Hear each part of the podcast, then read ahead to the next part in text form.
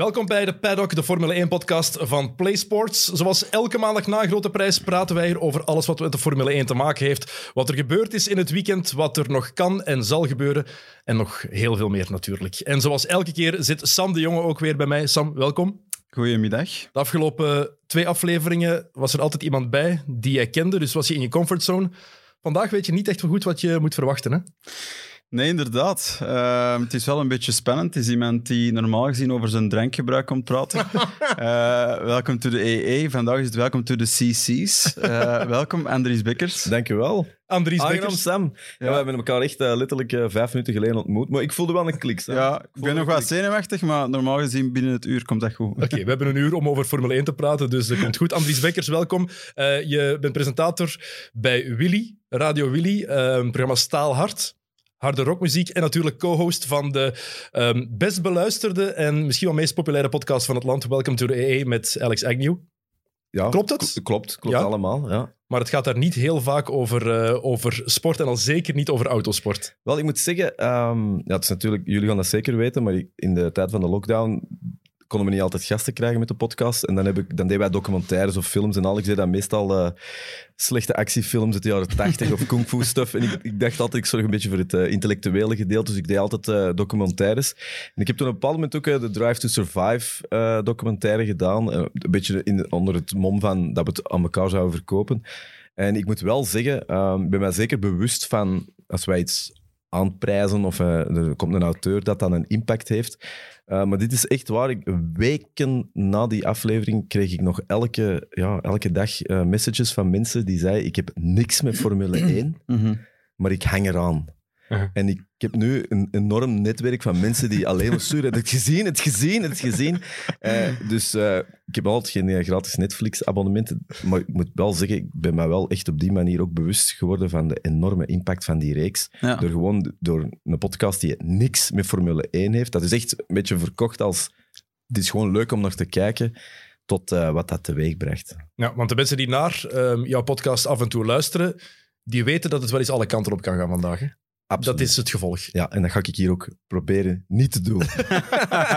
maar het is wel straf. Wat je zegt, uh, ja. wat Alex... Wat, uh, Alex, ik noem je al Alex. Andries daar dus zegt, mijn excuses. Uh, het is nog vroeg vandaag. Wat Andries daar zegt, Drive to Survive heeft inderdaad heel veel losgemaakt bij mensen. Mm. En vooral mensen die niks met autosport hadden of hebben, ja. die zijn daar een interesse in beginnen krijgen. En die zijn ook meer en meer ja, zich bewust geworden van de intriges die er zijn bij de autosport en in de Formule 1. Ja, klopt. Allee, ik vind dat dat spreekt wel in het voordeel van onze sport eigenlijk. Um, die, die sport is een beetje onbekend en onbemind. Al zoveel jaren, zeker in België. Zeker geen autosportland. En nu hebben de mensen iets meer een inkijk gekregen in wat er allemaal meespeelt. En dan beseffen ze ook van hoe complex het eigenlijk is achter de schermen om aan een zitje te geraken en over welke bedragen dat we spreken en, en de politieke spelletjes. Natuurlijk stelt Netflix dat op een bepaalde manier sexy voor en spectaculair voor, dus dat helpt sowieso. Maar ik heb altijd gezegd, als mensen echt in contact kunnen komen met die sport, is achter de schermen, dan gaan ze er eigenlijk van houden waarschijnlijk. En uh, ik heb dat met heel veel mensen gezien. Ik heb ook veel dingen met bedrijven gedaan op circuits. Mannen, vrouwen die eigenlijk niet geïnteresseerd waren in autosport, maar vanaf dat je iets kan proeven ervan, en die kans krijg je dus niet veel, dan verandert dat wel snel. Dus dat vind ik wel... Ik vind dat leuk om te horen. Ik heb dat van heel veel mensen gehoord. En dat is dan voor een keer het voordeel van die Amerikaanse insteek. Want dat zie je natuurlijk ja. wel. Drive to Survive is echt een Amerikaanse documentaire. Hoe dat ze dat ook gemaakt hebben. Dat werkt gewoon. Dat is heel simpel. Zoiets werkt. Het is de last dance een beetje van de Formule 1. Hè? Maar ja. ik was er me gewoon... Um, omdat er komt ook, is ook veel kritiek op geweest. Bijvoorbeeld Max Verstappen bijvoorbeeld, die ja. dan, waarom dat je ook wel, denk ik, fan bent. Of ik persoonlijk van Max Verstappen, die gewoon zegt, fuck die reeks. Ja. Hè, daar komt het eigenlijk op neer. Uh, maar het is wel zo, ik denk een van die andere podcasts dat, jij deed, dat jullie gedaan hadden, dat je zei van, ja, ik, op een bepaald moment zei jij, Sam, um, ik vond, vind het jammer dat je tegenwoordig weinig ziet. Het een Halo, hè, dus de buzzer voor. En, Emotie. En, en je ziet niks niet meer. Maar eigenlijk jullie zijn bevoordeelde mensen, want jullie gingen naar, naar, naar, ja. naar Formule 1-wedstrijden. Uh, het is wel een zeer unieke sport. Er is geen toegang, hè? Mm -hmm. Nee. Letterlijk niet. Hè? Nee. Ik heb het gisteren ook nog naar yoga gestuurd. Um, je hebt gebasket, ik heb gevoetbald. Ik bedoel, ik was geen slechte keeper. Ik heb ook uh, een bal uit een haak gehaald. Uh, Oké, okay, dat is niet zo als Courtois. Als we dat in de Classico doen, maar Oxaco Stabellino bij ons, dat was wel... Uh, ik weet wat het is om een bal eruit te halen, maar wij gaan nooit weten wat dat is om in een Formule Ja. 1-wagen te rijden. En dat vind ik zo waanzinnig aan dat ding. En dat is ook hetgeen dat mij er heel hard interesseert de laatste jaren, dat ik dat eigenlijk... Ik wil dat niet per se voelen, want ik heb daar ook schrik voor, maar dat, dat je eigenlijk in iets rijdt dat alleen maar marcheert als je doet wat tegen je natuur is. Hè? Want Ja. daar komt het eigenlijk op neer. Hè? Je kunt daar niet meer rijden, tenzij dat je, dat, Ja. dat je like een, like een zot ergens naartoe scheurt. Maar ik denk, dat is exact wat het is. Want ik leg het vaak zo aan mensen op die manier uit. Van, het is iets dat je niet kan proberen. Voetbal kunnen doen, wielrennen. Je kunt bijna, bijna alle sporten kunnen op een bepaalde manier van proeven. Op een heel amateuristische manier misschien. Maar je kunt je dan inbeelden wat het is. Wat een topsporter dan met die sport doet. Nou, autorijden, mensen die denken dan als ze naar een bakker rijden, ja, daar wordt inderdaad niet moe van. Dat klopt. Maar natuurlijk, tegen die snelheden, dan, dan spreken we over iets anders. Dus ik denk dat dat helemaal is. Allee, dat is eigenlijk helemaal hoe het is met mijn autosport. Het grote probleem is dat ze dat niet toegankelijk maken. Dus allee, ik hamer er ook al wel langer op in de vorige podcast van Formule 1. Kom, opent uw deuren een beetje, dat mensen het ruiken bekend kunnen voelen. En dan, Maar je zegt dat je dat niet zou willen, willen ervaren. Of misschien Ja. daar wat... Ja, wel vanuit een... eh hey, we kennen elkaar en, en Ja. wij ondertussen ook. Dat is, eh, wat is er gaat zo- snel. zes Wat minuten, is, wat is er zo leuk aan aan die sport zijn de dingetjes. Hè? Dat is heel duidelijk. Eh, eh, het, is, het ziet er allemaal heel goed. De production value is gigantisch. De Ja. intriges. Het is alles bij elkaar. Hè? Dat, dat is zeker fantastisch. Maar het is wel zo... ehm, ik ben nogal een controlefreak en je hebt de indruk dat het in het beginstadium dat dat niet het, de eigenschap is die u ver gaat helpen. Want ik weet dat ik zo... eh, Ja? eh, we kunnen alle kanten uit. hebben. Ik weet dat ik eens een podcast met Christian Horner, hè, een teambaas van eh, Red Bull, hè, wat sowieso al ja, een figuur is die een eigen soap zou kunnen Ja, hebben. En op een bepaald moment zegt hij van, vertelt hij een beetje zijn levensverhaal en zegt hij van ja, ik, ik, ik die, want die heeft redelijk hoog geraced ook, denk ik. 3000 of zo, denk ik. Dat Ja, was niet echt goed, want dat was bij het team van zijn vader. Goed, maar hij heeft het wel gedaan. Maar hij zegt wel op één ding, en dat vond ik wel heel waardevol, van ja, ik ben op een bepaald moment Estoril of zo aan het racen. En er is een moeilijke bocht of weet ik veel wat. En ik heb daar een beetje schrik van. Op dat moment zie ik Montoya, denk ik, maar voorbij racen. En het is op dat moment dat ik wist, Dat ga ik nooit kunnen. dat ga ik nooit niet kunnen. ik heb een andere rol in het leven. Ja, ja. En toen dacht ik wel van, ja, die man is duidelijk wel geschikt om iets met, met autosport te doen. Die man is, weet wat hoge druk is. Gewoon ik niet, denk hè, dat dat achter- niet normaal is. Dat is ook een psycho tot en met Ja, gast. Ja, ja. Maar dat durft hij ook niet. Gewoon niet om achter het stuur te zitten. Maar ik, het intrigeert mij wel extra hard. We hebben zo een, eh, een simulator gehad op Play Sports, echt voor, voor, voor de PlayStation, maar echt zo'n zo'n stoel. We hebben daar zo Racing with the Stars mee gedaan, dat we zo langs bepaalde mensen gingen die eraan in konden kruipen Klopt. en dan rondjes konden rijden. En we hebben zo ehm, de grote studio van Sports Late Night ook vroeger, de grote studio van Play Sports met die hele grote schermen. We hebben die daar eens een keer geïnstalleerd op een weekdag, toen alles nog mocht, op een verhoog gezet, aangesloten op die gigantische schermen. En ja, die, die simulator, dat is geen echte simulator, maar echt genoeg voor mensen die nooit, nooit geraced hebben. En daar voel je ook die weerstand. En dat was echt... Dat, dat voelde al Maar daar kan je pre-start geweldig. doen, hè. Dat is, dat Ja, is, dat is het exact. voordeel van PlayStation. Hè? en, en van zoveel, eh allee, vaak mensen thuis die misschien online eh, wat commentaar hebben. Het is natuurlijk makkelijker om, om, om dat te doen dan in het echt is het iets gevaarlijker. Maar ongecontroleerd, zeker er is een stuk ongecontroleerd. Je neemt altijd wel een risico. Zeker Maar op Sam, de sorry dat je verder gaat. Dat is, geen, dit is ook die Top Gear aflevering. Hè? Ja. Een van die gasten dat probeert. Los van uw angst. Kun je daar technisch mee rijden? Als ik daar nu instap, Hm. kan ik die, bij manier van spreken, vooruit krijgen, voordat hij Ja. stilvalt. Dat denk ik wel. Tegenwoordig wordt dat veel makkelijker. Dus koppelingen en zo, vroeger was het allemaal pedalen, nu wordt dat meer en meer aan het stuur. Er zijn ook veel automatische dingen. Dus ik denk wel dat het iets gemakkelijker is dan vroeger om in een raceauto weg te rijden, maar het is wel niet zoals met een gewone auto We kunnen een bocht pakken, dat is misschien beter. Tegen een heel lage snelheid. Ja. Maar het gaat inderdaad eerst al over die banden warm krijgen en dan moet het al sneller gaan. En sneller gaan betekent, die auto gaat bewegen. Je rijdt op een slick band, dus dat is een band zonder groeven. Jor- Joris Brijs, heeft dat, Joris Brijs heeft dat gedaan Ja. een tijd geleden. Je kan in Frankrijk blijkbaar ehm, een, in een oude Formule 1-wagen kruipen.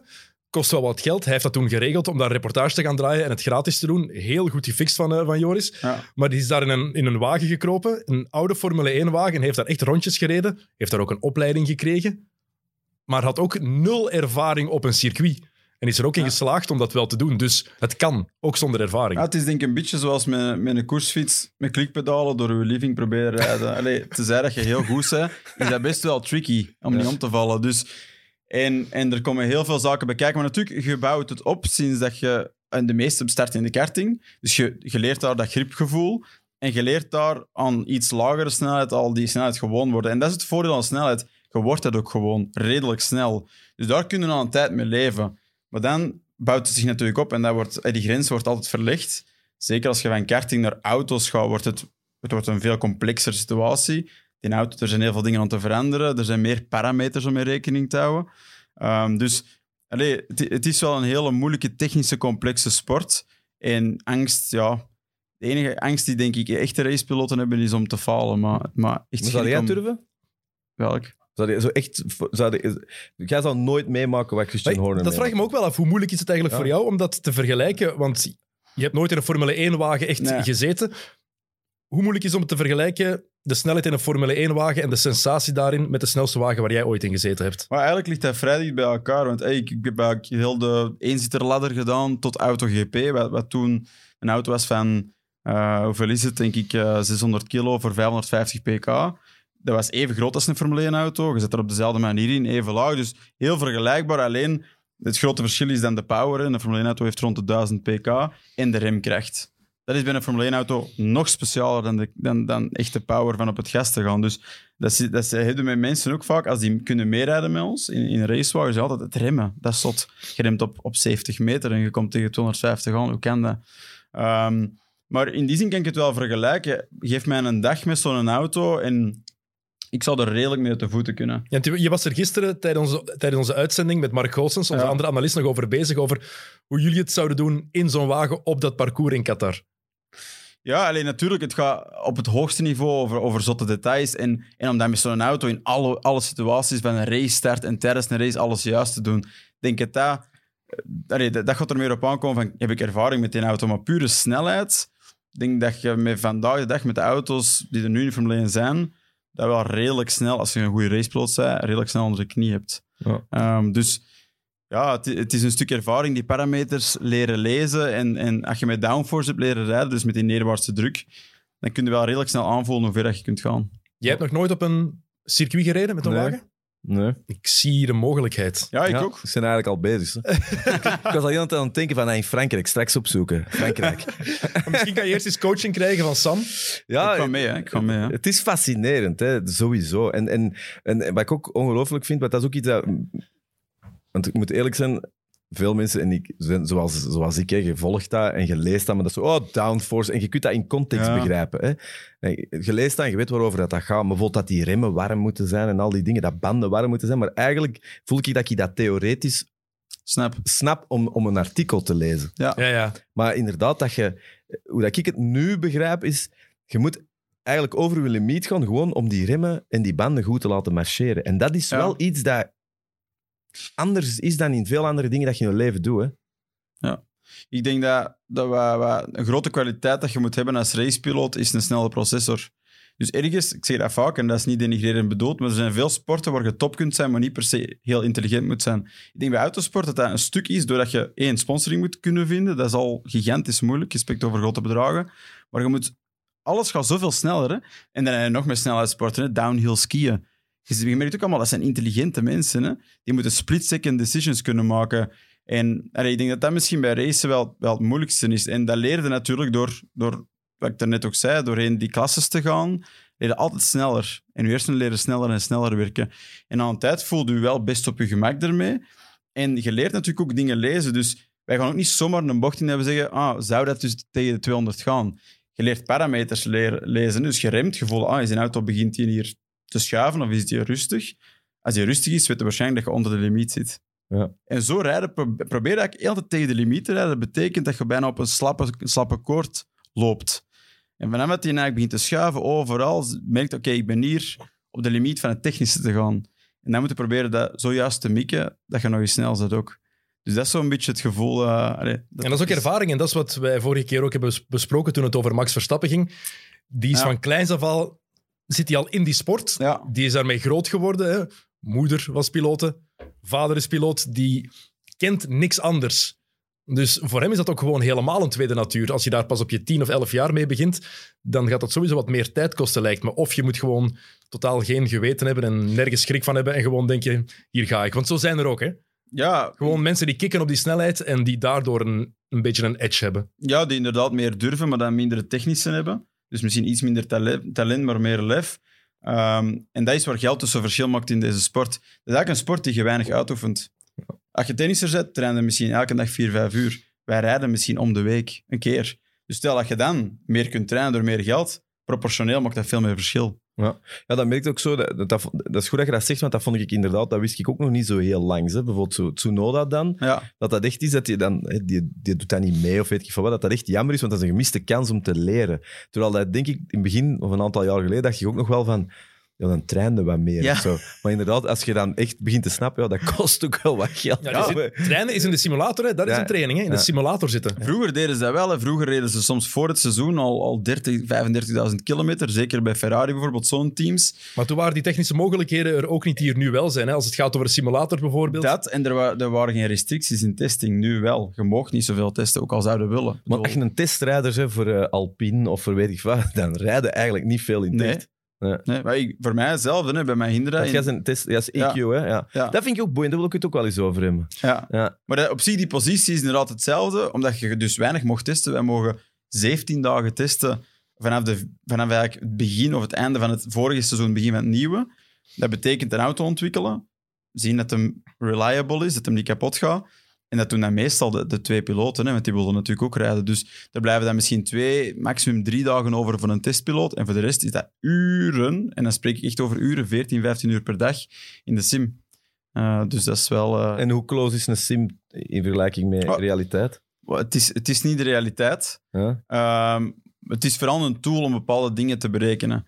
Eh, voor de ingenieurs is, is het interessant, zeker in de elektrische serie zal ik zeggen, waar je niet echt zoekt naar een setup van een auto, geen afstelling, maar je zoekt eigenlijk naar een manier om man- energy management te, allee, te maximaliseren. Dat kun je wel perfect in een simulator doen. Ja. En om een circuit natuurlijk ook nog beter te leren kennen. Dat Ja. zal het ongetwijfeld ook helpen. Eh, we zijn al iets meer dan een kwartier bezig. En ik heb nog ineens eigenlijk de vraag gesteld aan jou, Andries. Wat jij met autosport al had. Thuis, van thuis. Nu overdreven, maar mijn vader was eigenlijk niet iemand die zo met sport bezig was, maar dan zo... Ik ben een kind van de jaren tachtig natuurlijk, dus voor mij was het dan Thierry Boutsen.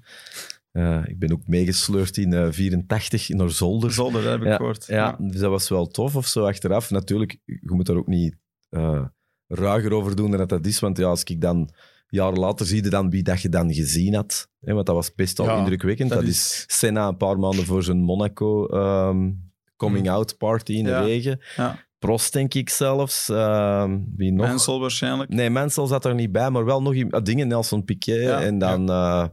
ja, van die mensen die je nu niet meer kent. Denk, de winnaar weet ik nog wel zo. Was er een Italiaan, Alboreto. Ja, Een paar gasten die nadien gestorven zijn, denk ik zelfs. De Angelis. hij ook, Alboreto ook. Ja. Alboreto ook gestorven? In een test eh, Ah. met eh, Audi, maar in een Le Mans prototype. Oei. Op een gewoon een testdag. Ja. Echt eh, over kop gegaan. En, eh, Maar wel grappig dat iemand, Ma- jij Mansell zei, maar mijn vader was wel een mega Nigel Mansell fan. Als je dat nu ziet, dat is ook zo'n een, een uiterlijk dat nu ook niet dat meer... zou niet bestaan. Nee, dat is zo- Heerlijk figuur toch? De Herman van Molle van de Formule 1 of zo. Echt zo die Dat lijkt zo een boekhouder is. Ja. Zo, maar ik kan ook rijden. Oké. Ja, maar dat is ook mooi om het onderscheid te maken tussen eras eigenlijk, tussen tijdperken in de Formule 1. En zo mensen, je weet perfect van oké, dat is die periode, jaren 80, begin jaren 90 en that's it. Daarna was het ook niet meer mogelijk. Boutsen ook, die perfecte, eh, die perfecte zijstreep. Ja. Maar, maar wel tof en zeker. ah ja, want, natuurlijk, want eigenlijk als je van, dat, van in die era begon, ja, dan kon als Belg wel into de Formule 1 geraken. Maar ja, toen, die, wat was dat toen? Dat Barclay-ding, was dat Arrow zeker, dat hij niet reed of zo? En dan ging Ja. dat verder, maar dan zat hij wel rap bij, bij Williams. Mhm. En dan voelde ik wel, herinner ik mij wel, dat dat dan, dat zal BRT2 geweest zijn, als ze dat toen af eh, uitzonden. Dat dat wel, eh, dan had hij wel een aantal goede jaren gehad. Hè. Ja. Hij Ja. heeft wel bij Williams gezeten. Ja, zeker, maar toch is die hype hier nooit geweest. En dat vraag ik me soms wel af. We hebben het daar al een paar keer over gehad, Sam. Als Max Verstappen nu een Belg was geweest, had perfect die nationaliteit kunnen kiezen. Hoe die Max-hype hier zou zijn geweest. Want Holland wordt elke week compleet zot. Hè? Elke grote prijs worden die, Mm. gaan die compleet over de rooien. Ik denk dat het hier nog geen 10% van die hype zou zijn geweest. het slimste dat hem gedaan heeft sowieso Ja, is... eh, eh, met, Nederlandse licentie en ja, nationaliteit, Sowieso ja. voor zijn bankrekening gigantisch. Want mijn, mijn programmator bij Willy, eh, het hoofd van de Kevin Moons, een zeer grote Formule 1-fan. Gaat ook altijd... En kent ook iemand in de entourage van Verstappen. Dus hij, zeker... Je weet zelfs alles over de managementverdelingen, te Ja. krijgen en zo. Dus dat is altijd... eh, wij babbelen zelden nog over muziek op de radio. maar eh, ehm, ja, en dan heb ik ook... Ik heb heel lang ook in een Nederlandse metalband Gespeeld. En dus ik heb heel veel Nederlandse vrienden en allemaal voetbalfans. En wat die eigenlijk zeggen, dat is misschien wat jullie wel grappig vinden, is zo dat eigenlijk heel veel uh, onafhankelijke sportliefhebbers van Nederland, die liggen strijk van het lachen. Want Verstappen krijgt in Nederland dingen gedaan die zelfs de Nederlandse voetballers in jaren niet gedaan hebben gekregen. Zoals? Uh, ja, bijvoorbeeld dat dat al doorging in Zandvoort, ja, bijvoorbeeld. Ja. Dat zou bij de koning ja. stond daar onder het podium. Maar dat, dat wel, omdat de Nederlandse, Nederlandse voetbal is nog altijd zeer hoog, maar is niet meer de, de gouden generatie van weleer. En dat dat bijna wel een soort frustratie is. Want Verstappen, ja, dat is nu de nummer één in dat land. Ja, het is zot eigenlijk. Hè, die... Maar uitsport heeft er altijd meer geleefd, denk ik. Heeft er een, een positieve een positievere connotatie dan in België op een of andere manier. Wij, maar België zijn, zijn, zijn dan vaak zo negatief. Dat is gevaarlijk. En kost geld. Maar Nederlanders, Gaan, Nederlanders gaan ook gewoon harder. Hè? Kijk naar de, de WK's hier. Ja, er was een Rode Duivels hype. Maar dat is helemaal anders in vergelijking met in Nederland. Hè? Altijd, altijd carnaval. Alles, als er, carnaval, als er, inderdaad. Als er potentie is voor carnaval. Ja, inderdaad. Ja, never waste a good carnaval. Ja. als, je, als we vlaggen kunnen hangen, als we alles eh, oranje kunnen maken, gaan we het doen. Kun je voorstellen hoeveel miljoenen euro's dat je zou gerateerd hebben als hij voor België had gekozen? Mhm. Want eigenlijk, dat is wat de Kevin altijd zegt, van ja, dat is eigenlijk wel een Belg, want hij is in Hasselt naar school gegaan. Die had even goed... Die leefden, ja. ja maar... die, die leefden in, in, in Genk. Toen ik, ik reed toen zelf ook nog karting. Ik was natuurlijk een stuk ouder dan hem. We zijn een klein manneken op, op zijn stepje altijd in, in, in de, in de paddock aan het, rond, uh, rondhotsen. Uh, maar die was, ja, dat was wel veel meer een Belg dan een Nederlander. Maar het is inderdaad logisch. Commercieel gezien zou het redelijk achterlijke beslissing zijn om, uh, om dan als Belg uh, verder te gaan. Zag je dat toen al? Er is zo dat, dat beruchte ja. Kevin De Bruyne filmpje op zijn vier. Ja, ja. Dat zelfs iemand die er niks van kende dacht, ai. Zag je dat toen al van? Ja, ik denk deels wel, maar langs de andere kant, op dat niveau zijn er best wel wat jonge gastjes dat je zegt, ah ja, dat is een uitzonderlijk talent. En dat wordt natuurlijk, hoe ouder dat ze worden, hoe meer dat, dat gefilterd wordt. Het niveau wordt hoger. Je moet toch nog, meer, eh, nog slimmer zijn. Dus talent begint iets minder belangrijker te worden. Je moet meer kunnen denken. Um, maar ja, Max dat was altijd speciaal. Werd door Jos ook gigantisch gepusht daarin. Um, Jos die zorgde ook voor zijn motors en zo. Er was ook toen redelijk veel speculatie dat die motors allemaal hè, zo, zo in orde waren. Um, dus allee, er waren ook al andere dingen die, die meespeelden. Maar ja, hij heeft sinds zijn vier, vier keer per week in een kart gezeten. Hij heeft denk ik privé uh, school, scholing gehad thuis. Dus hij heeft dat helemaal kunnen leven, als een spons kunnen opnemen en, um, en kunnen doortrekken op elk niveau. En wat, wat, denk ik voor mij het belangrijkste is bij Verstappen, is die is echt zo gehard geworden in het weten hoe je wint. En dat is denk ik nog belangrijker dan talent hebben in sport. Weten hoe je wint is, is niet zo simpel. Ja. Uh, maar dat, zorgt, dat zorgt er ook voor ja. dat hij nu die druk niet echt lijkt te voelen. Hij weet hoe hij moet winnen. Terwijl die immens is, hè? Ja, maar hij geeft er gewoon niet om. Of hij lijkt er niet om te geven, ik zal het zo zeggen. Hij, geeft, hij gaat er gewoon mee om. Ja. Hij weet hoe dat... Want dat en dat is niet anders dan maar dat zijn, rijdt. Maar dat zijn de grootheden. Hè. Dat is ook wat Lewis Hamilton deed vanaf het begin in zijn Formule 1-carrière. 2007, zijn eerste jaar, komt daar in een ploeg met de regerende wereldkampioen, Fernando Alonso. Hmm. En die is niet onder de indruk van, het is de wereldkampioen, ik moet tweede viool spelen. Nee, ik ga zelf voor de wereldtitel. En hij wint die nog bijna ook. Uiteindelijk wordt het Raikkonen, maar het scheelde, scheelde niet veel. En het jaar daarna wordt hij zelf wereldkampioen. Dat is ook kunnen omgaan met die druk en weten... Mannetjes, kust allemaal, ik ben de beste. En dat is ook hoe Verstappen lijkt te denken. Ik vind wel bij Verstappen dat je wel merkt dat hij echt enkel in dat keurslijf is gegoten van, van het racen. Ik vind dat hij wel erbuiten... Die heeft niet een mening over andere zaken. Ik heb er eens een uh, Gapstar video van gezien. Want hij is blijkbaar gesponsord ja, door zowat alles, dus ook door Gapstar. en, uh, en dat was... Dat, ging, dat denk dat ook in die reportage... Nee, dat was niet in die reportage dat hem... Uh, over Drive to Survive, maakt niet uit. En dan ging het over Game of Thrones. En wat ik er dan wel fijn om vond, was... Dat is ook maar een manneke, hè. Ik bedoel... Uh, je kunt hem veel verwijten, maar zijn wereld is ook maar chillen op de zetel. En, uh, ja, PlayStation tussen. Ja, ja. En was op de simulator spelen thuis. Ja, dat is een feit. is nog, uiteindelijk is dat hallucinant wat die verdienen. Maar dat is ook nog een, allez, ook een stuk kind. En misschien heeft hem dat. Heeft hem waarschijnlijk ook een stuk gemist, hè, kind kunnen zijn. Dus ik denk dat hij ook wel naar boven komt. Als je dan meer geld hebt, dan speelde me dan misschien op een ander niveau met dat geld. Hè. Ja, maar je hebt toch andere, andere piloten die andere dingen doen met dat geld. Hè? Hij kiest er ook nog voor om effectief zo een onder de radar te blijven, om een heel rustig leven te leiden. Hij zou ook naar zotte feestjes kunnen gaan, naar het Met Gala proberen gaan. Ik weet niet of hij binnen zou geraken, maar hij zou zich wel waarschijnlijk binnen kunnen betalen. Maar hij zou ook andere dingen kunnen doen. Hè? Goed ding wel met Gala. is wel een goed ding. Hè? Vond ik wel fantastisch. Ik vind wel, als er... Ik bedoel, mega fan van Hamilton, maar laten we elkaar... Uh niks wijs maken, dat is een ergste van allemaal. Hè. Die komt er ook in carnaval uit. Dus die probeert ook op de hype van de Verstappen te springen, denk ik. Hè? Dat hij ook ziet van... Uh, die outfits die werken. Dus... Iets duurder wel, denk ik, dan in uh, feestwinkel tot er wel. Maar ja... nee, maar dat, bedoel, dat vond ik wel heel boeiend dit jaar. Zo. Hamilton ik, ik zie hem, het, hij gaat het toch halen, denk ik. En als hem dit haalt, dan is het wel... Dat is straf, dan is het wel, dan is het, de straf, dan is het sowieso al de strafste. Maar dan, he played them all, hè. Ja. Ik bedoel, wat een, eigenlijk vind ik wel nu, alles wat nog uit die mond komt, is niet waar. Hè? Dat heb ik er echt mee. Ik vind je fantastisch. Ik vind ook zijn larger-than-life ding en, en opkomen voor alle um, essentiële zaken. En ook, uh, nee, maar ook Essentieel. Zijn, zijn engagement is fantastisch. Ik, ik, ik, ga er zeker niet op iets slecht over zeggen. Maar niks aan de gast zegt je dan niet op racen aankomt. Nee. ik, bedoel, ik, vraag, ik vraag hem soms af, dat engagement... Hij zegt de juiste dingen, hij moet die dingen ook zeggen, maar Hoeveel is daarvan gemeend? Je kunt niet winnen in de Formule 1. Hè. Je kunt niet, ofwel... Vorig jaar bijvoorbeeld was het toch... Hij, hij, hij komt uit voor, voor, voor gelijkheid voor iedereen. Zoals dit weekend in Qatar reed hij met die regenbooghelm. Top. Goeie boodschap. Zeker daar. Fantastisch dat hij dat doet. En hij zegt dingen... Maar soms vraag ik me af, wat doet hij? Ik weet nog, vorig jaar um, waren er toen die protesten ook in, in de bubbel in de NBA, dat er een paar ploegen niet gespeeld hebben in de playoffs. Gewoon van, nu is het genoeg geweest. Effectief ja. geboycott. En Hamilton sprak zich daarvoor uit.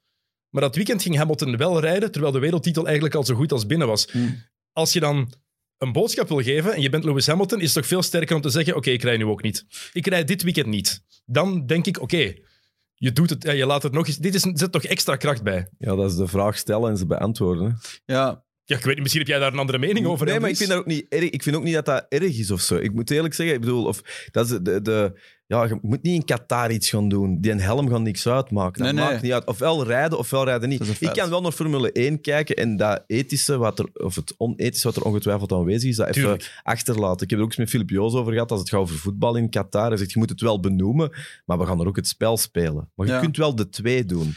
Bij hem, hier vind ik het gewoon bij hem heel interessant hoe dat de mind games dat hem speelt... Mhm beginnen nu heel hard te doen. Jij zei ook vorige week of zoiets van, ze hebben te vroeg gepiekt bij Red Bull. Maar het is een genie, hè, Hamilton, zowel als, als uh, ja, ik, ik, denk, het is een beetje de pech van... Uh, moet ik dat zeggen? De technologische vooruitgang, daar, daar heeft misschien Red Bull wat pech in gehad, dat ze iets vroeger dan, dan uh, Mercedes het ideale pakket hadden. En dan aan de leiding komen. En je hebt altijd... Als je aan de leiding staat, je altijd die, dat verdedigingsmechanisme dat toch wat inkikt. En, en dat zei je bij Horner, die ging veel meer naast de baan zoeken naar problemen bij, bij Mercedes. Terwijl Mercedes, die deed dat wel een stuk terug, die reageerde, maar je kunt er ook zeker van zijn dat er de slimme ingenieurs thuis, die, uh, in de, in de fabriek, die hebben gezocht, gezocht, gezocht. En die zeggen ook, die voelen zich ook ergens beledigd. Hè, van, waarom kunnen wij niet zo'n snel een auto maken? Oké, maar het is wel maf dat hij, nu zo, dat hij nu zo dichtbij komt. Hè? Want Hamilton komt heel dichtbij in de WK-stand. Ja. Dat tot daar aan toe. Maar dat het verschil ineens zo groot is geworden... Vorige week reed hij 30 per uur sneller. Nu was het 8 à 9 kilometer per uur. Het is heel raar dat dat ineens dat verschil zo groot is. Er was meer dan een halve seconde verschil tussen Hamilton en Verstappen bij de kwalificaties. En daar zijn er ook heel veel verdachtmakingen nu. Hè? Ja. Ja, ik denk dat, dat Red Bull met een aantal problemen heeft te kampen, zoals die achtervleugel met de DRS-flap die open is en die, die heel, heel veel vibratie geeft, die heel, heel veel beweegt, dus heel veel drag eigenlijk veroorzaakte. Dat, dat, Zo'n zo, zo'n element tegen die snelheid, 300 en over de 300, dat zou eigenlijk perfect stil moeten staan. Hè? Vanaf het dan begint te bewegen, ja, dan verlies je weer snelheid terug. Even, hoe komt dat Red Bull dat overduidelijk geld genoeg heeft, dat dat dan toch een probleem is? Zijn dat, zijn dat de regels dat ze niks meer mogen veranderen? Of? Ik denk dat het vooral komt omdat... Allee, ze spelen voor de eerste keer in al die jaren terug mee om het kampioenschap. Dat kan maar op één manier, als je maximaliseert. Ja. En dat gaat over die marginal gains, dat je in elke topsport ziet. In de Formule 1 is dat minder op het menselijke vlak, maar meer op, op het mechanische. En ik denk dat zij er gewoon tot, tot, tot, tot misschien op de limiet een stukje erover zijn gegaan om te kijken van dat is de enige manier dat we vooraan kunnen meedraaien. Dat is de enige manier dat wij Mercedes kunnen challengen. We gaan dat gewoon doen. Maar het is wel vreemd. Het maar nu geeft dat wel problemen. Het blijft vreemd dat het verschil op een ja, verschil heel klein was in het voordeel van Red Bull. En dan is er de grote prijs van Brazilië. Wordt er een nieuwe power unit, nieuwe motor geïnstalleerd bij, uh, bij Lewis Hamilton. En ineens blaast hij iedereen weg. Hij wint niet zomaar, hij verpulvert iedereen. hij reed weg. Hij, hij reed op een bepaald moment 10 seconden weg. Ja, dat klopt. En maar dat... dat... is toch heel raar. En dan hoor je iedereen ook zeggen van er klopt iets niet. Ja, maar ik denk, meer dat, meer. Je, ik denk dat je het dubbel moet zien. Mercedes die vinden, die vinden niet iets ineens van... De Jos is niet wakker geworden bij zijn koffie. Godver, daar heb ik niet aan gedacht. Nee, die werken misschien al maanden aan iets dat ze willen uitwerken. In de windtunnel proberen en dan uiteindelijk op die auto zitten en dat werkt. Misschien even tien keer de voorstel in de windtunnel hebben getest, niet gewerkt. Dus ineens hebben ze een element gevonden dat iets beter is. Maar is het kampioenschap dan gereden? Want dat is wat Nee. Dennis eigenlijk wil zeggen. Ja, dus maar- geen, enkel, geen enkel reden Nee. om nu, als je nu gaat geld wedden, dan wedden op Hamilton. Hè? Tuurlijk, Ja, en vooral omdat het verschil tussen Hamilton en Bottas ook zo gigantisch Ja, is. klopt. Maar Ja. dus het probleem is, dus eigenlijk op dezelfde moment krijgt Red Bull dat probleem met die achtervleugel. Dus die gaan een beetje terugschroeven. Snap je? En dan een dubbel effect dat misschien ook de dubbele winst oplevert bij Mercedes op dit moment. Mm. En Jos Verstappen heeft nu al gezegd, eh, verliezen. Ik kan tegen mijn verlies niet al, maar enkel als het eerlijk gebeurt. Heel subtiel. Ja. Ehm, maar Red Bull heeft nu ook al gezegd, ja, in Saudi-Arabië gaan wij gewoon onze oude achtervleugel weer installeren, die ook meer doorbuigt, wat hen voordeel zou kunnen opleveren in bepaalde bochten, Voilà. snelheid zou kunnen opleveren, onder het motto, als Mercedes het mag, mogen wij het ook. Ja, dat gaat nog voor, voor chaos zorgen. Ik hè? denk, ik denk vooral ik denk dat, dat, dat dat misschien een beetje een excuus is. Ik denk dat meer is, anders dan winnen we de wereldtitel zeker niet. Het is een beetje alles of niks. Dit, op, dit moment, eh, op- deze moment, eh, zoals je als het aanhaalt, Andries, ga je het richting Mercedes. Hè. Ze hebben... Ze hebben, ze hebben allee, ze zitten in die flow, dat alles goed gaat. Eh, Hamilton die, die presteert nog boven zijn niveau. De auto werkt goed, dus allee, ik denk dat, dat Red Bull meer schrik heeft en, en gewoon zegt van oké, fuck it, we gaan het gewoon proberen. Het is, ik vind het echt maf. Eh, Ik las trouwens ook nog dat eh, Hamilton voor een nog andere... Hij heeft nog twee motoren blijkbaar ter beschikking voor de komende races. en zou nu in Qatar toch met een andere hebben gereden dan in Brazilië. Met een iets minder krachtige. Ja, Dus daar mag je nog wel gewoon tussen switchen. Ja, dat mag je tussen switchen, ja. Klopt. Oké. Dus dat is natuurlijk Ook vreemd, strategisch. dat ze dat, het, het, eh, het volgende circuit dat we eigenlijk niet kennen, in Saudi-Arabië, het ligt nog... Dat is ook een grap, hè? Dat is ook een... Is dat al, is dat al af het is geen grap, dat maar is- het is een grap, ja. Dat is echt... Dat is de grap. Dat is gewoon nog niet helemaal Ja. geregeld. Natuurlijk, daar worden wel dingen sneller gedaan dan in België. Dus eh, Even, het, eh, even geopolitiek ertussen nee, als hier een verkeersbord moeten zeggen, zitten we tien dagen bezig, dus daar leggen ze een circuit. Ja. Maar goed, op de omstandigheden zijn misschien wel een delicaat onderwerp. Ehm, ja, voor data enzovoort is dat natuurlijk niet gemakkelijk voor de teams, maar het is wel een sneller circuit. Nog sneller dan wat we nu hebben gezien in Qatar. Dus iets meer Mercedes-circuit. Dus dat is wel eh, goed voor Red Bull. Wat ik ook heel eh, boeiend vond, was zo, denk ik een paar weken geleden, hè, de Toto Wolf. Hè. Man met de witste hemde ever of zo, dat is niet normaal. Dat hem zei van, ja, eh, ja, Hamilton is een fenomeen, Bottas is gewoon heel goed. Of zoiets zei hem. Hij zei, Bottas is gewoon een goede racer. En meer ook niet. Is dat echt...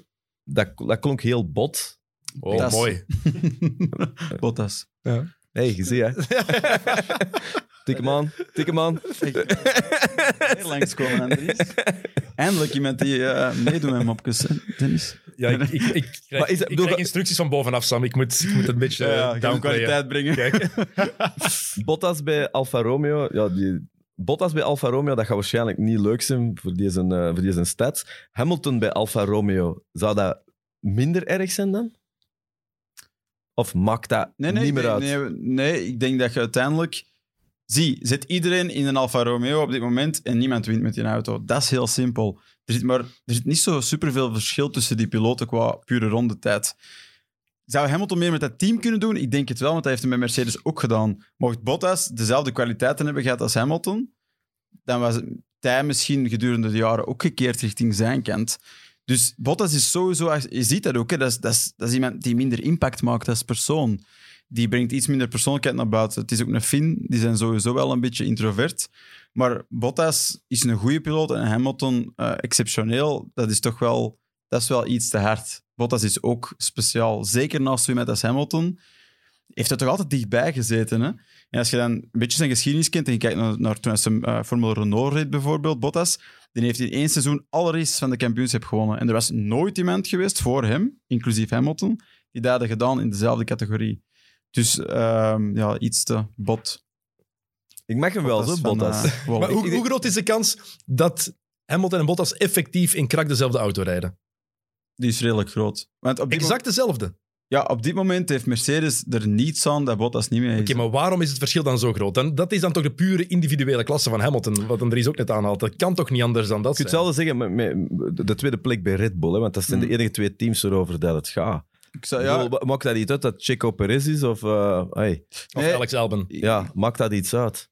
Ik bedoel, eigenlijk zou je kunnen zeggen, Gasly, Gasly is, is een be- hey, Gasly verdient dat. Ik snap ook waarom dat ze die Maar niet meer je- pakken, want die is, die Ja. is, dat is verenoveerd. En, en ik denk ook bij Gasly trouwens, Mm. dat je met Gasly nog met een ander probleem zit.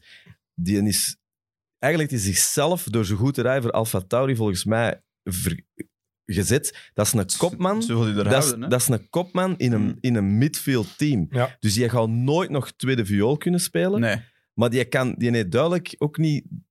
Die kan niet een druk aan van een topteam. Dus die zal voor de Ja. rest van zijn carrière zal die dat moeten doen. Dat, dat is dus de vraag. Of heeft hij niet de kwaliteit om tweede viool te spelen? Dat zijn andere kwaliteiten. ja, maar die zit ertussen. Ofwel zitten een superster à la Ja, Hamilton en. Verstappen. Dat zijn alfa's. Ja, en Gasly, dat is zo... Ja. Sorry, Dennis. Hey, doe maar, man. maar ik- dat bedoel ik. Ik vind die Gasly dat vind ik ook een heel interessant persoon. Figuur, ja. Maar die is vooral wel... Zijn alpha-kant is meer bovengekomen sinds het hem daar is uitgekikt. En hij had in een, in een hoekje kunnen gaan zitten en, en, en, en liggen wenen erover. En hij is gewoon dubbel zo hard ook fysiek beginnen trainen. Dat is, dat is een leeuw geworden. En heeft gezegd van... Echt, jongen, ik kan jullie hier, hier iets bewijzen. Maar dat kan hem En- ook en- sterker gemaakt hebben. hè. En dat, is het, Voilà. dat maakt van die uitzonderlijke piloten nog veel specialer. Het mentale, wat het Hamilton van het begin heeft gehad, wat Verstappen Ja. altijd al heeft gehad. Maar Gasly gaat niet meer... Stel dat Gasly naar Red Bull dat gaat... gaat niet gebeuren. Nee, dat, zo niet, stel dat het wel gebeurt, die gaat no way zijn eigen in dienst te zetten van Nee, maar die zou ook met een andere mentaliteit... Als hij die kans zou Nee, krijgen en hij zou het willen doen, hij zou ook met Terwijl- een andere mentaliteit naar daar gaan, denk ik. Het zou meer Perez een is een- opgestoken middelvinger zijn van en nu gaan jullie ook eens een keer iets voor mij doen. Maar dat is- denk ik. maar dat is- Perez is een journeyman, hè. je moet daar eerlijk in zijn. Die is blij dat hij nog in de Formule 1 En zit dat is, ook, goeie, dat is een hele goeie. Voilà. Maar, En die is super blij dat hem viool mag spelen. Hè? Ik bedoel, natuurlijk wil hij ook nummer één zijn, maar die beseft goed genoeg, naast een Max Verstappen...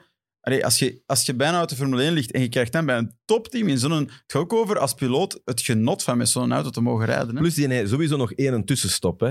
Die gaat niet van Red Bull eruit. Die weet Ja. dat hem nog één keer kan zakken naar iets. Ja, en hij wist terwijl- ook, wat Sam net zegt, hij, zat- hij lag er bijna uit. Hè? Als Red Bull niet Ja, ja. was afgekomen met een voorstel, dan hadden we geen Perez meer gezien in de Formule Ja. 1. Maar misschien wel belangrijk om, om even te specifieren, die vraag van daarnet, van wat is dan het verschil tussen Bottas en Hamilton als ze toch dezelfde auto hebben? Dat is een stuk meer politiek gezien, dat ehm, natuurlijk zo'n auto, die zijn allebei hetzelfde, puur mechanisch. Maar dan heb je een afstelling. En de ene afstelling werkt voor de ene piloot iets beter, dat is gewoon een rijstijl. En de afstelling, eh, een andere afstelling werkt voor een andere piloot beter. En dan wordt er bij Mercedes meer geluisterd naar wat Hamilton wilt. En dus gaan ze beide auto's afstellen op hoe, hoe Hamilton eigenlijk die auto wilt. En daarom gaat hij dus gaat hij zijn voordeel als in ik rij beter verdubbeld worden, doordat het team ook nog eens werkt in zijn richting. Hoe was het dan dat jaar met Rosberg? Want je hebt de, ah, de jaren met Rosberg eigenlijk. Ze hebben drie jaar samen voor de wereldtitel eigenlijk gevochten. Twee keer werd het Hamilton, één keer werd het Rosberg. Hoe hebben ze dat toen geregeld? Want, want die waren enorm aan elkaar gewaagd. Zeker in het jaar dat Rosberg wereldkampioen Ja. is geworden. En, en eh, voor zo'n feit heb ik denk ik Gert Vermers nodig, die er niet is vandaag. Eh, maar, maar ik denk dat hij zelfs toen mid-season is van pitcrew veranderd hebben. Is echt? Omdat Hamilton het zo in vraag stelde dat hij niet meer de, de kopman was. Ehm, dus ja, dat is moeilijk om te zeggen. Maar is dat een beslissing? Ik bedoel, Lando Norris, Ricciardo, Leclerc, Sainz, dat, zit, bedoel, dat verandert eigenlijk. Maar wie is op een bepaald moment dat ze zeggen, ja, het wordt auto? Maar ik denk het wel. Ja, maar kijk, kijk, naar- afstelling. kijk naar McLaren. Het is, zijn- het is duidelijk dat ze bij McLaren de kaart Lando Norris hebben getrokken. Hè? Het is de Mm, bescherming van Zack Brown, de teambaas van McLaren. Die wou hem al jaren pushen. Ook kan ook voor hem van Doornen. opbrengen. Hè? Daarom, het is een Brit bij een Brits team. Ja. Wat is, wat is interessanter? Stoffel van Doornen, een Belg uit een klein landje waar de Formule 1 niet zo groot is. Nee, natuurlijk. Of een Brit uit de UK waar Formule 1 gigantisch is, bij een Brits team. En het is ook nog eens iemand waar jij al jaren over waakt. Ja, natuurlijk dat- gaan ze dat- daar dan meer op inzetten, toch? Maar bijvoorbeeld, oké, dat is waar, je hebt gelijk, maar bijvoorbeeld Sainz, je begint als de tweede. ja, ja, sowieso. Nu, ah, bedoel, come Dat is on. een verrassing, Leclerc, Leclerc, maar Leclerc kan niet meer zeggen dat hem de nummer Nee. één is. Hè. Nee, nee.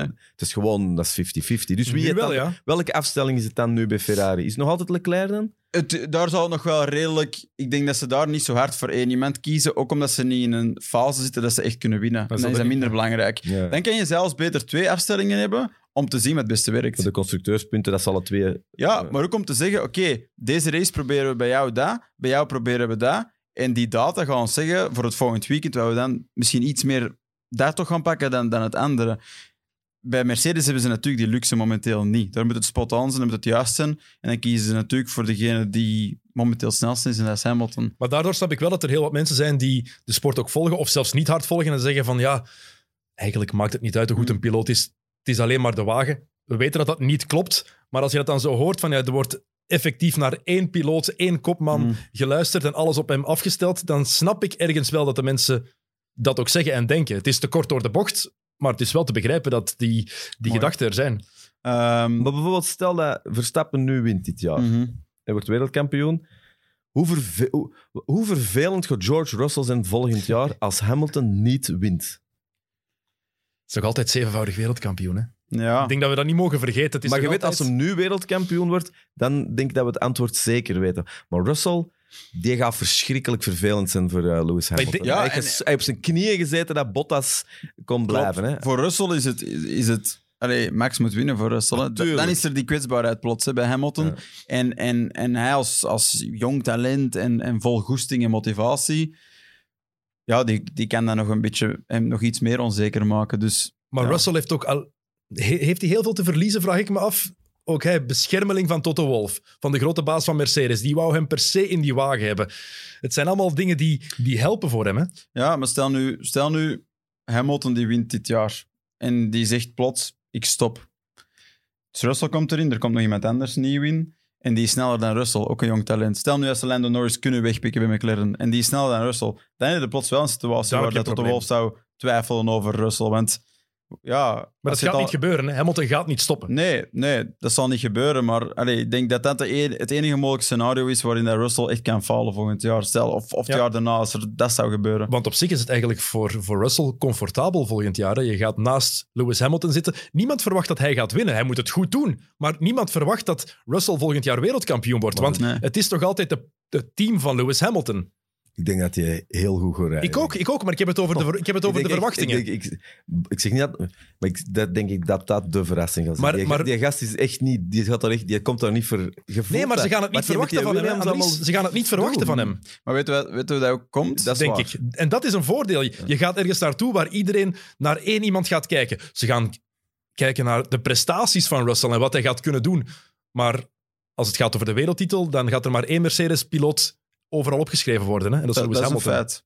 Maar wat doe je bijvoorbeeld... Wat was dat jaar dat Bottas zo goed gereden is? dat 2018? Ehm, ik denk het wel. Dat hij 17. gewonnen is de eerste race in Australië. En dan, Ja, dat hij echt... Dat dat pas Ja. halverwege duidelijk for whom it may concern, Ja, fuck you. ja, ja, ja. Indian, Indian onboard. eh. ja. Ik bedoel, wordt er... Stel, Russell, vier, zijn vier grote prijzen ver en, en die staat 25 punten los. Dan, zullen, dan zullen ze niet zomaar laten vallen. Dat Nee. Is, nee. Allee, Hamilton, dat is zijn thuis. Hè? Dus die, die kent iedereen daar zo goed. Dus die weet ook... Allee, maar mag hoe- die dan blijven rijden? Die- die moet je toch, dan worden er dan teamorders gegeven? Of, Maar er zullen er wel instructies worden Ja. gegeven. Teamorders zijn misschien nog te extreem. nee? Dat is echt zeggen van... eh, zoals bij, bij Massa in de tijd, van you're too slow. eh, Fernando is quicker than you, laat hem maar voorbij. Dat, is, dat is het meest extreem dat je kunt hebben. Bij Barri- Barrichello en, en Schumacher vroeger ook zoiets. Maar dan zal er wel gekeken worden van... Oh jongens, we moeten deze al wel... Misschien als het kan, toch strategisch slim beginnen spelen. Was dit weekend trouwens niet nog extremer? Nu je het toch over teamorders hebt. Gasly, die effectief de instructie krijgt van...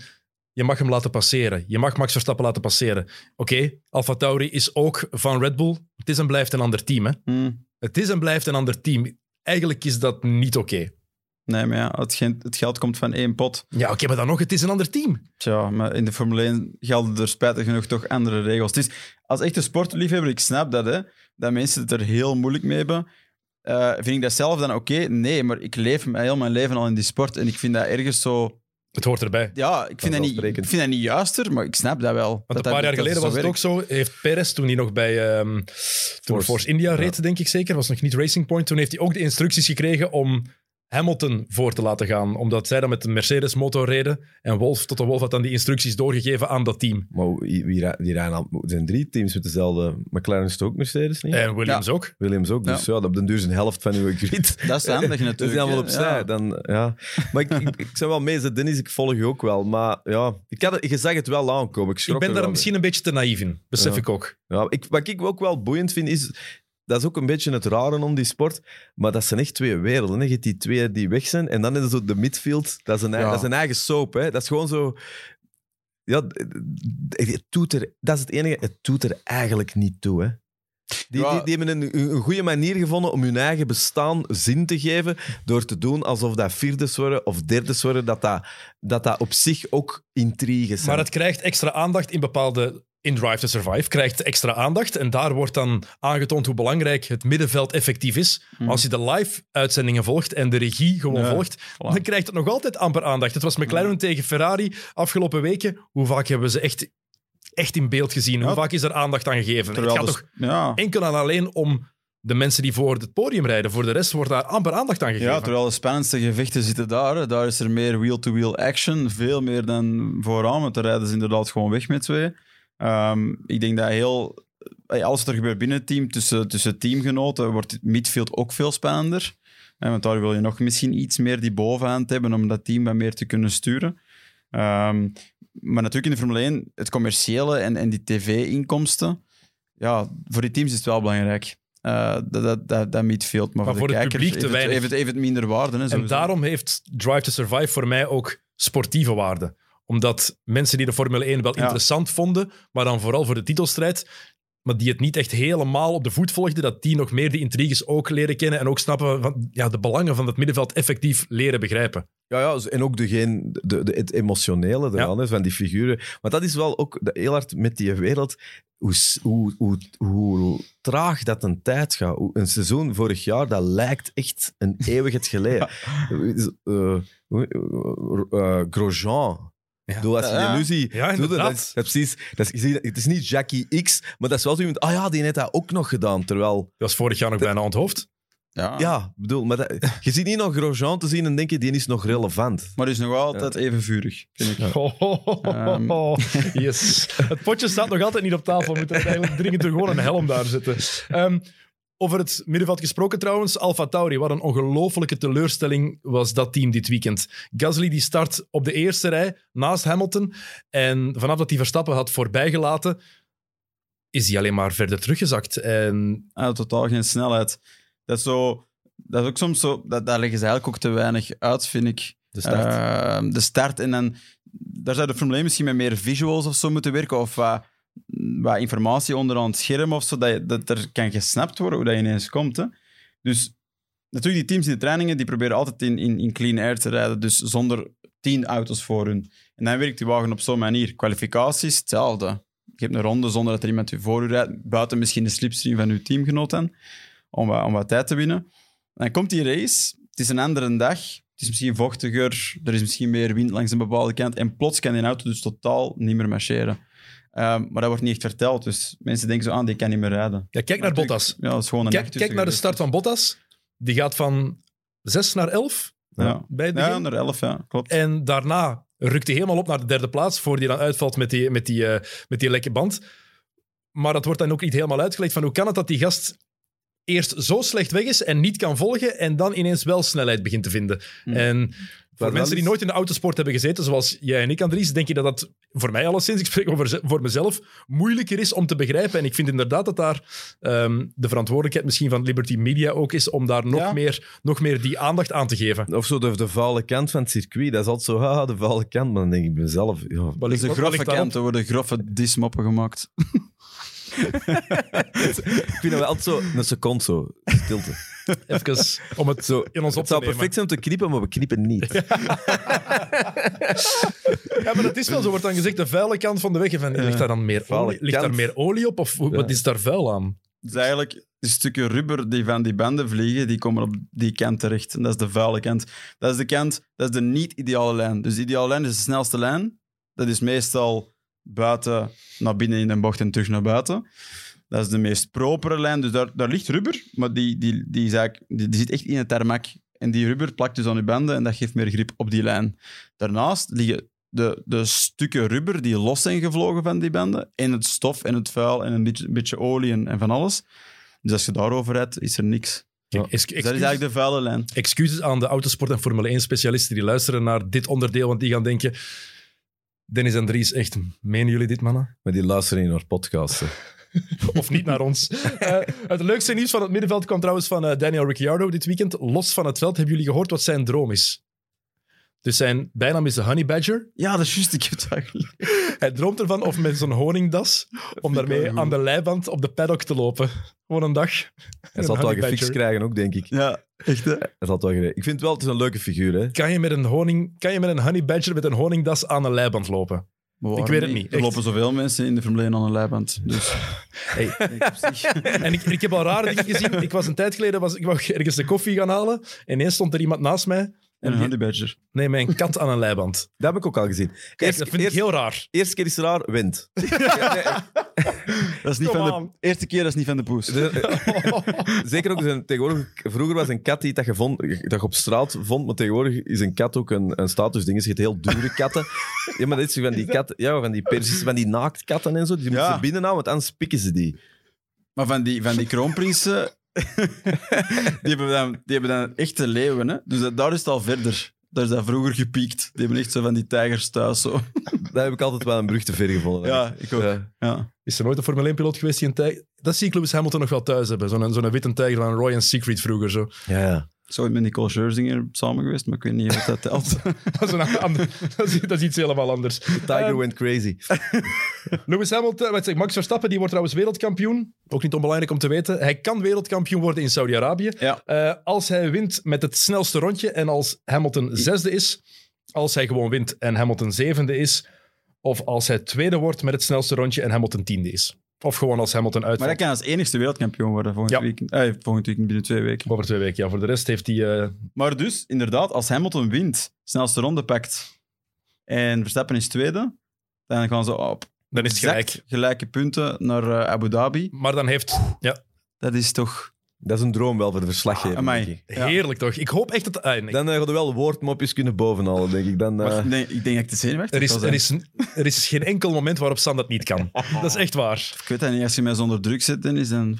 Het was, in, het was in Qatar dit weekend. Hij heeft heel veel zand erover gezegd. Maar kijk, ehm, Ergste, jongens. het, was, het was heel erg. je, moet, Eh, je moet een selling point hebben. Er is genoeg, er is genoeg grijsheid. Dus, eh, Er is genoeg eenheidsworst. ja, ja. Wat wel een beetje onnozel was dit weekend, vond ik nog altijd. eh, Max Verstappen die krijgt dan vijf strafplaatsen achteruit, Mhm. omdat hij een dubbele gele vlag heeft genegeerd. Blijkt achteraf dat de baan was vrijgegeven, dat er geen signaal is gegeven op de schermen van de FIA en ook niet op, de, Mhm. eh, op het dashboard van de piloten. En een, en een biep in je oor krijgen ook normaal. is ook niet gebeurd. Er was gewoon één iemand die blijkbaar heel overijverig met gele vlaggen aan het zwaaien was. Ja, Sorry, maar dan moet je als stewards in mijn ogen, als leiding, wedstrijdleiding, maar het is misschien interessant om aan, voilà, aan jou te vragen, hoe komt dat over? Ja. ja, bij mij komt dat over. eh, ik zal één serieus ding zeggen. Maar voor mij, die stewards, dat zijn zo de, de mensen die zo op festivals de vrijwilligers zijn. Zo komt dat mij heel erg over. Het zou wel beter zijn als dat. Gele maar- hesjes. De, de gele hesjes. Zo mensen die orders hebben gekregen. Ja, ja. En die inderdaad, eh bij mij niet van spreken, scheelt Ja, heel die- veel. ja, die headliners de, de, deur niet, de deur niet open doen omdat die geen passion hebben. Zo, dat soort dingen. Maar wat ik wel vervelend vind, is zo dat het... ehm, het is te veel nu. Het is Ja. te veel. Het is elke week iets. En je voelt dat dat... Ze zijn zichzelf eigenlijk ook aan het verliezen. in de Ja, en, titelstrijd. en als kijker is dat zo... De eerste keer vonden we dat wel eens leuk, omdat het inderdaad dus iets anders is. Maar nu is het zo... Het interesseert me ook niet. En ook, Maar er is opnieuw een klacht ingediend. Oké, Ja. nog een klacht. en ook ja. gewoon, je wilt ook niet... Wauw, Verstappen van 7 naar 2. Haal het niet. Maar ik had het ook wel eens willen zien als het echt was. Ja, ik snap het. En, en allee, ik heb ook een beetje het gevoel, en dat wordt dan gevaarlijk eigenlijk, of een gevaarlijk precedent voor de toekomst, dat het wordt nu ook aangepast aan wat er dan de races ervoor is gebeurd. Ze hebben Hamilton heel zwaar bestraft in Brazilië. En dan nu, met, met dit incident met die gele vlaggen, heeft de FIA eigenlijk ook eigenlijk misschien wel grotendeels de fouten gemaakt van het niet juist aan te wijzen. En, maar dan hebben ze zoiets van, shit, als wij nu niet Max iets geven, dan komt Mercedes. En, maar dat is niet juist, dat zou niet mogen. Dan Kijk. is het weer afhankelijk van, van, van, van de context. Want als je dan ziet dat er effectief de signalen niet gege- gegeven zijn op het dashboard, niet op de schermen, die beep is niet geweest in het oor van de piloot, ja, dan moet je toch ergens wel de geest van de wedstrijd gewoon voelen als steward en, of als leiding en ook beseffen van, oké, we hebben zelf te veel steken laten vallen, Ja, maar ja. dus Welke, allee, welke autoriteit kan dat toegeven? Niet veel in de sportwereld. Nee. nee, dat is... Dat is Nee, ik denk ook wel klopt, dat... klopt helemaal, spijtig genoeg klopt dat, ik ja. kan ook wel niet geloven dat als, eh, als eh, onafhankelijke, niet alleswetende kijker, dat die van alles op de hoogte zijn, maar dat die dat dan niet gehoord heeft. Die hebben toch dat Maar nee. oortje. Ik bedoel, Die moet dat toch geweten hebben. Er zitten honderd ingenieurs. Ja, Die waren niet toevallig allemaal net op hun horloge Ja, aan het kijken. dus of dat, aan dat het goed pakken. genoeg, Ja. hè, dat dat was. Die hebben dat gezien en die hebben daar sowieso iets van gezegd. Maar ze hebben ook gezegd, er is, het is zo onduidelijk aangetoond, maar momenteel op het circuit maakt die ronde gewoon af. Ik bedoel, in zo'n hoogte- hoogtechnologische sport kan ik toch niet geloven dat inderdaad niemand dat gezien Nee, nee. heeft. Geloof Eh, wat we ook gezien hebben, er zat volk in Qatar. Niet heel veel, maar er zat volk. Ehm, de vraag is, Terecht stuk, ja. wilden ze daar zitten? Ik heb eh, gehoord dat voor de atletiek meetings daar in Doha, dat eh, het volk daarvoor betaald wordt om te gaan kijken. En dat ze dan tijdens de wedstrijd de poort op slot doen. Zodat de mensen niet gaan lopen terwijl het bezig is. Omdat het ene keer, de eerste keer, hadden ze ook mensen betaald. Maar toen voor, voor het begonnen was, waren die allemaal terug weg. Dus heel benieuwd naar. Want het is wel iets raar, Qatar. Het is niet dat daar echt een racecultuur is. hè. Saudi-Arabië hetzelfde over Ik twee weken. van die zotte filmpjes op YouTube, eh, dat ze zo met, met, met Nissan Patrols en zo, daar op de snelweg, omdat ze zich vervelen op twee wielen en zo rijden. Of mega drifts doen. Je moet dat eens opzoeken. Dat is echt zot. Die hebben echt wel skills. Dus allee, in die zin misschien wel, hè. Enige racecultuur aanwezig. Ja, het, is wel, het, gaf, het gaf wel een sfeer of zo. Want ik, ik, ik, ik ben ook heel inconsequent. Hè. Ik kan ook zo zeggen, ja, het is allemaal hypocriet en geld en Aramco. Maar dan zie ik er zo... Absoluut. Maar dan zie ik ook, ben ik ook wel die ene zo die denkt, oh, die ster ken ik. Oh, Ja, David ja, Beckham. Oh, oh. Ja. Dus, ik bedoel... eh, Oh, David Beckham is er. Dat doet de Formule 1 slim, hè. ja, ja, ja. Ik bedoel... Ik, Verblinden nu dan zo met andere dingen. Heb En Infantino van de FIFA is er ook. Oh, en die is er ook. Ja. En dingen, Pirlo zeker, was Ja. er ook. Het was wel... eh, Ja. ja. Maar dat, dat doet ook wel iets als je naar zo'n grote prijs zelf mag gaan, als journalist dan bijvoorbeeld, en je staat daar en je ziet ineens Kaka voorbij komen en Dani Alves. En je Ja, ziet dat... dat is wel een vraag voor jullie. Ik denk dat veel mensen dat ook wel willen weten. Is, eh, ehm, hoe klein is dat eigenlijk? Een, een, Zo'n een, paddock een Formule 1, ja. De, hangt van... Hangt van Het hangt van het circuit Ja, en- nee, maar ik wil zeggen, stel ja. als je journalist bent, dus dan, want dat is, het is een kleine wereld. Hè. Het is 20 Ja. man, 10 teambazen en de rest. eh, Het is heel weinig, heel weinig volk. Als je, dat moet vers- als je de verslaggeving doet, zit er dan effectief in? Je moet er wel een paar keer naartoe gaan. Het jaar dat Stoffel eh, reed, het tweede jaar dat Stoffel bij McLaren reed, ben ik naar zes grote prijzen op rij mogen gaan of zo. En dan de eerste keer kijken ze eens vreemd, wie is, wie is die, een- die gast?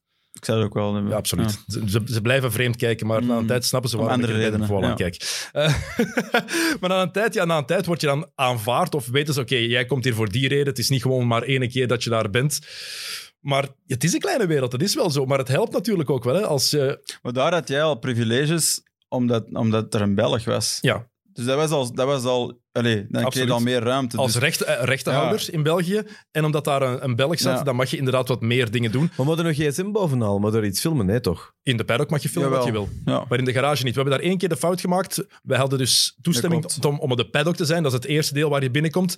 En in de garage mochten we alleen als het echt open was. Maar we mochten daar niet filmen. Op een gegeven moment stond de garage van McLaren open en er stond geen security. Dus ik dacht mijn cameraman, ik zei Niel, kom, we gaan het daar. Dus ik was daar rustig een stand-up aan het opnemen, rustig aan het filmen, tot ze ineens na vijf minuten besefte van What the hell are you actually doing here? Ja. En dan zo, ah, je, hebt een de, je, hebt, ja, je de verkeerde badge. Je mocht die niet zijn. Ja, maar, ja, maar we zijn bijna klaar. En ja, we zijn bijna klaar was geen goed argument. Heeft ik. niet gewerkt. Maar het is ook wel logisch, ergens. Allee, het is ergens... Tuurlijk, Pas op, en nu spreek ik mezelf wel ergens tegen. Ik zou hebben... dat doen we allemaal. willen dat ze het meer accessible maken voor iedereen. Zodat dat de fans het meer kunnen voelen. Dat het niet met een verrekijker kijken is hoe die auto's eruit zien. Maar aan de andere kant, ik weet zelf, toen als ik in Formule 3 en zo reed, dat wij ook ja, doeken en zo over de auto deden als de cap of de motorcap van de auto was.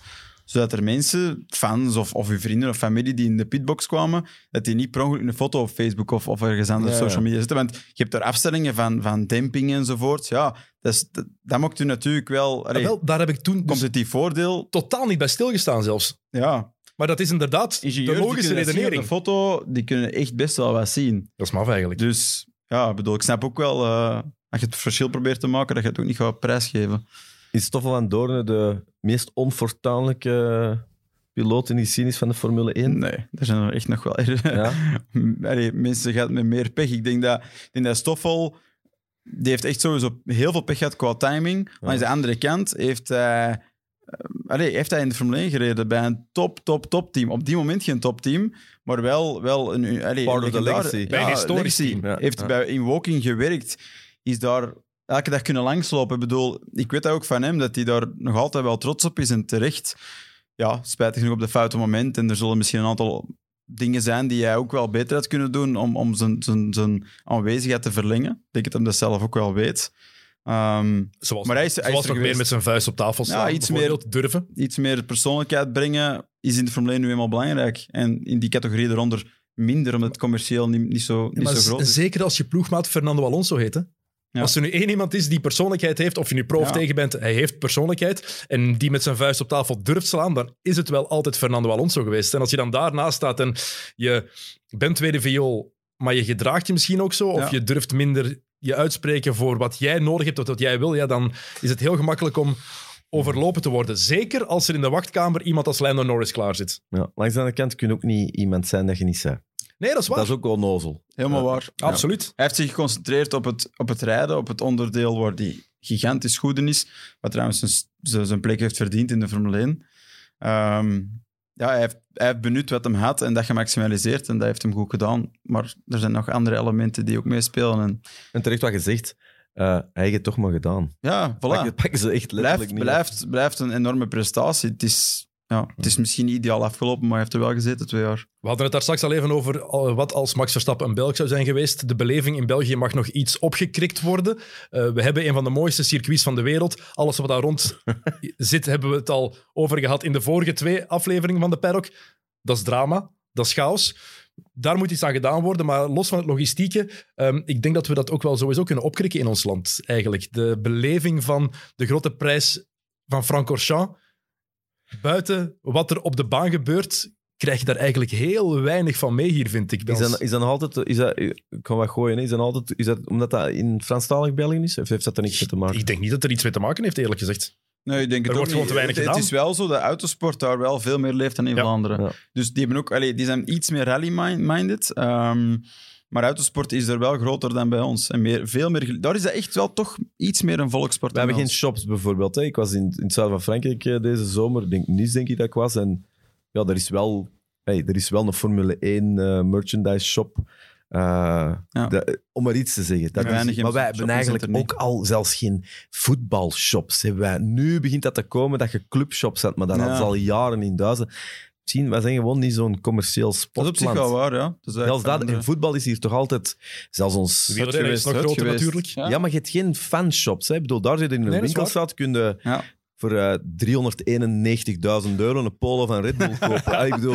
Ja, Met, met, met goed veel reclame op. dat, ja, dat, dat meet dan nog eens. Je betaalt voor dan... Hè? Dus maar een klein ideetje gewoon tijdens een van de volgende grote prijzen van, van, eh, van Francorchamps. Live Welcome to the EA. zal wel zijn. Daar, groot Ja. podium. Sam de Jonge. Voilà. Ik kom erbij. Is er ook Maar een Franstalige tegenhanger eigenlijk van, van jullie podcast? Bienvenue, Chille. Ja, maar dat we, dat we het een beetje in evenwicht kunnen houden. Hè? Ja, Klopt. er is van alles een tegenhanger, dat heb ik wel geleerd Ja. in En mijn... dan eh, kunnen jullie misschien ook de race afvlaggen. Ik weet niet of jullie, Ja. jullie faam daar al groot genoeg voor is. Ik denk dat Alex wel nog wat moet. Wel dat de man Drive to Survive begonnen is. Dat was wel mee eigenlijk. eh. Dat is, maar, al, ik, maar ik weet niet dat hem al helemaal mee is, dus ik moet hem nog wat pushen, denk ik. dat is al een prestatie. Om, eh, ja, gezegd de race afvlaggen. Ik heb een eh, klein cadeautje bij voor Andries, voor zijn komst hier. Hij heeft nog nooit geraced, maar nu al wel op podium gestaan, bij deze eerste plek zelfs. Dus eh, er hangt misschien zelfs nog eh, champagnegeur in. Hancock. Was oorspronkelijk van eh oud Formule 1-coureur eh, Ronnie Peterson. ja. Dat is niet waar, sorry. Het slechtste woord op ooit. Oh, Ronnie Eh, Peterson. eh, Deze, ont, Wauw. deze, ont- deze ontvechten voor een plaats op onze tafel. Die, komt, die, Dus, eh, komt, die komt van mij, maar eh, voilà. ah, wel, hij, hij- hij gaat een plek krijgen. Dat is leuk dat je erbij En die tafel, ik heb er al gezeten, die staat echt heel vol. Ja. Dus om daar een plek te krijgen is het echt... Nee, er staat van alles op. Het is niet gemakkelijk om daar een plekje Ja. op te krijgen. Eh, we zitten over het uur, dus dat betekent dat we moeten afronden, jammer genoeg. We kunnen hier niet blijven, eindeloos blijven doorgaan. Spijtig. ja. Jammer genoeg. Eh, het was heel interessant. Andries, bedankt voor je, voor Ja. je inzichten. Uh, ik hoop dat het uh, meeviel. Dus, uh... Ik heb me geamuseerd alleszins. Dus, ja. alles... Ik heb gecompenseerd met enthousiasme, denk ik. Dat. Vond super, echt. Absoluut. Sam, merci dat je er weer was. Met plezier. Over volgende week zijn we er niet, want er is geen grote prijs. Nee. Over twee weken zijn we er wel. En dan ehm, is het mogelijk met een nieuwe wereldkampioen, maar ik denk dat de kans klein Komt is. Komt naar hier, of? We kunnen een wereldkampioen naar hier Kan dat nog eigenlijk? Die opties zijn er zeker. Zijn er. Kan dat eigenlijk nog Verstappen? Verstappen hier? Als de Bruinen hier kan zitten? Onmogelijk, denk ik. Ja, pas op. Ja. Ja, oké. Sam de Jonge gaat um, ervoor zorgen dat Max Ja. Verstappen in deze zetel komt zitten ooit. Ja. Ooit. Ik kan daar heel hard mijn best voor doen. Kijk. En er zijn nog andere wereldkampioenen waar hij bevriend mee is die we daar graag willen zetten. We hebben al een wereldkampioen eh, wielrennen in die zetel gehad. Ja. Dus dat is al iets. Duivensport, postzegels verzamelen. Ja. Verschillende opties. Er zijn verschillende opties. Goed, mannen, merci dat jullie er waren. Jullie bedankt voor het luisteren of voor het kijken. Of voor allebei natuurlijk. En wij zijn er over twee weken weer met een eh, nieuwe aflevering. De vierde aflevering van De Perrok. Tot dan. Salut.